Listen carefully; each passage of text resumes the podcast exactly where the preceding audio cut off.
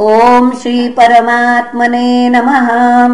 श्रीमद्भागवते महापुराणे पारमहंस्यां संहितायां चतुर्थस्कन्धे द्वादशोऽध्यायः। मैत्रेय उवाच ध्रुवम् निवृत्तम् प्रतिबुद्धवैशसादपेतमन्युम् भगवान् धनेश्वरः तत्रागतश्चारणयक्ष किन्नरै संस्तूयमानोऽभ्यवदत्कृताञ्जलिम् धनद उवाच भो भो क्षत्रियदायाद परितुष्टोऽस्मि तेनघ। यस्त्वम् पिता महादेशाद्वैरम् दुस्त्यजमत्यजः न भवानवधीद्यक्षान्न यक्षा भ्रातरम् तव काल एव हि भूतानाम् प्रभुरप्ययभावयोः अहम् त्वमित्यपार्थ धीरज्ञानात् पुरुषस्य हि स्वाप्नी वा भात्य तद्ध्यानाद्यया बन्धविपर्ययौ। तद्गच्छ ध्रुवभद्रन्ते भगवन्तमधोक्षजम् सर्वभूतात्मभावेन सर्वभूतात्मविग्रहम् भजस्व भजनीयाङ्घ्रमभवाय भवच्छिदम् युक्तम् विरहितम् शक्त्या गुणमय्यात्ममायया। वृणीः कामम् नृपयन्मनोगतम् मत्तत्स्वमौक्तानपदे विशङ्कितः। वरम् वरार्होऽम्बुजनाभपादयो रनन्तरम् त्वाम् वयमङ्गशुश्रुम। मैत्रेय उवाच स अराजराजेन वराय चोदितो ध्रुवो महाभागवतो महामतिः।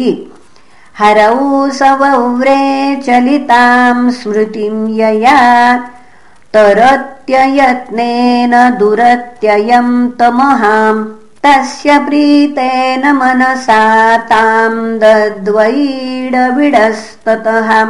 पश्यतोऽन्तर्दधे सोऽपि स्वपुरम् प्रत्यपद्यतो।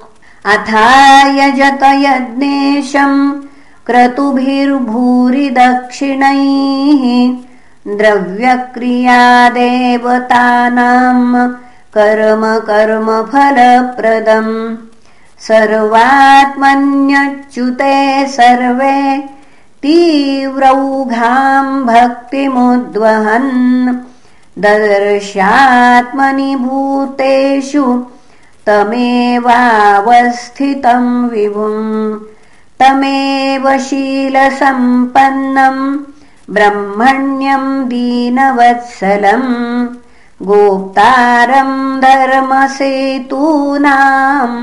मेनिरे पितरम् प्रजाः।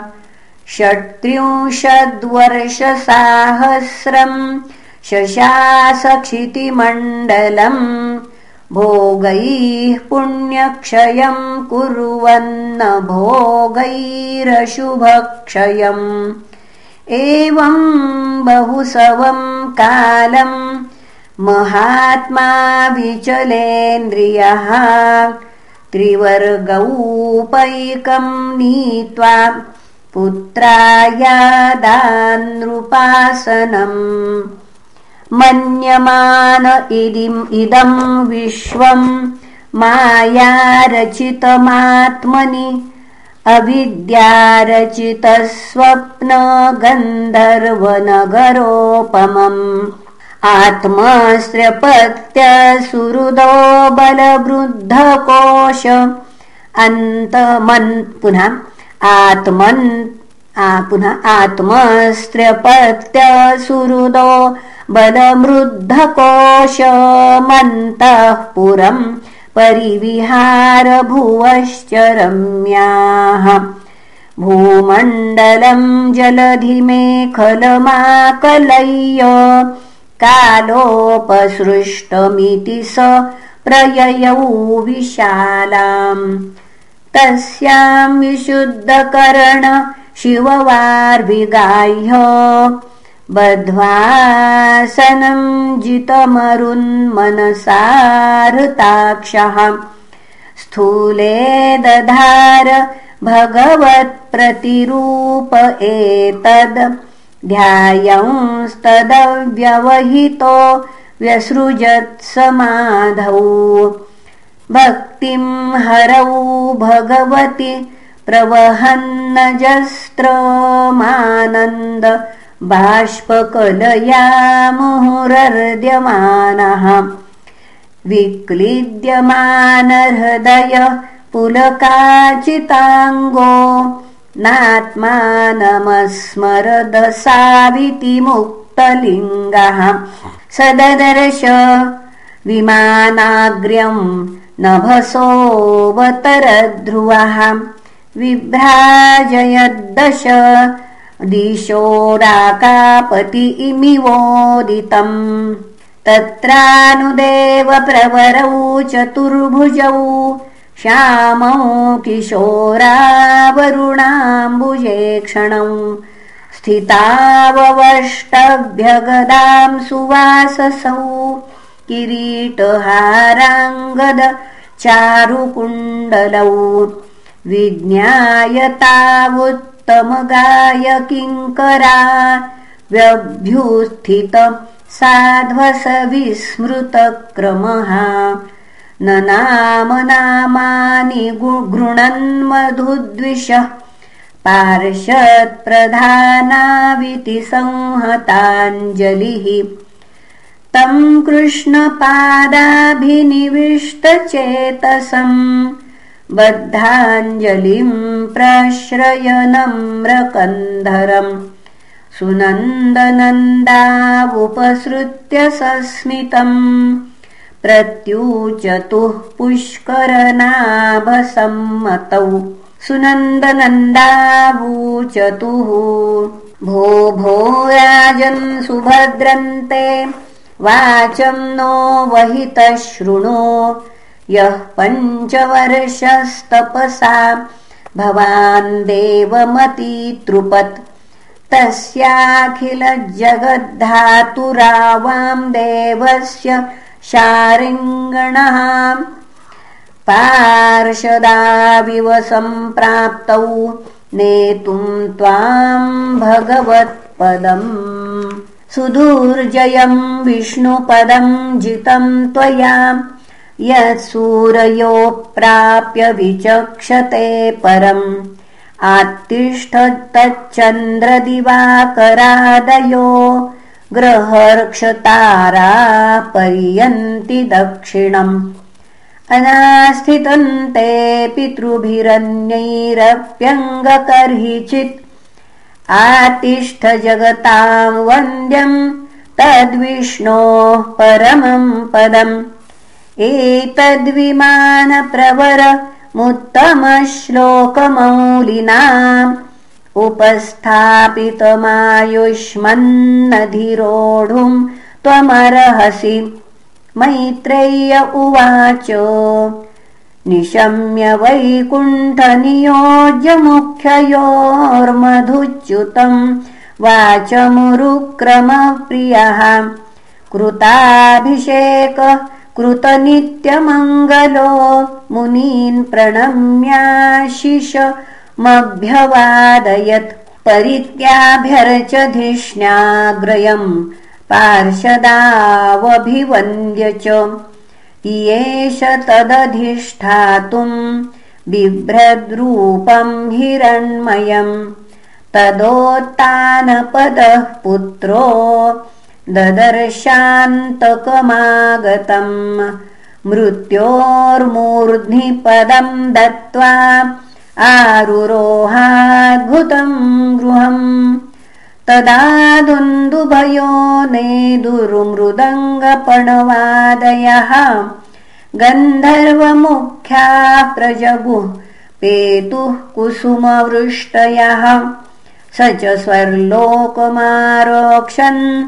सुनीतिम् जननीम् ध्रुवः अन्वस्मरदगम् हित्वा दीनाम् यासे त्रिविष्टम।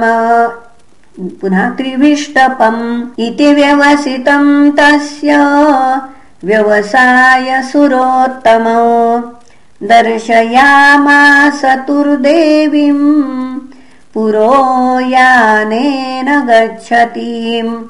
तत्र तत्र प्रशंसद्भिः पथि वैमानिकैसुरैः अवकीर्यमाणो ददृशे कुसुमैः क्रमशो ग्रहान् त्रिलोकीम् देवयानेन सोऽतिव्रजमुनीमपि परस्ताद्यध्रुवगतिर्विष्णो पदमथाभ्यगात्।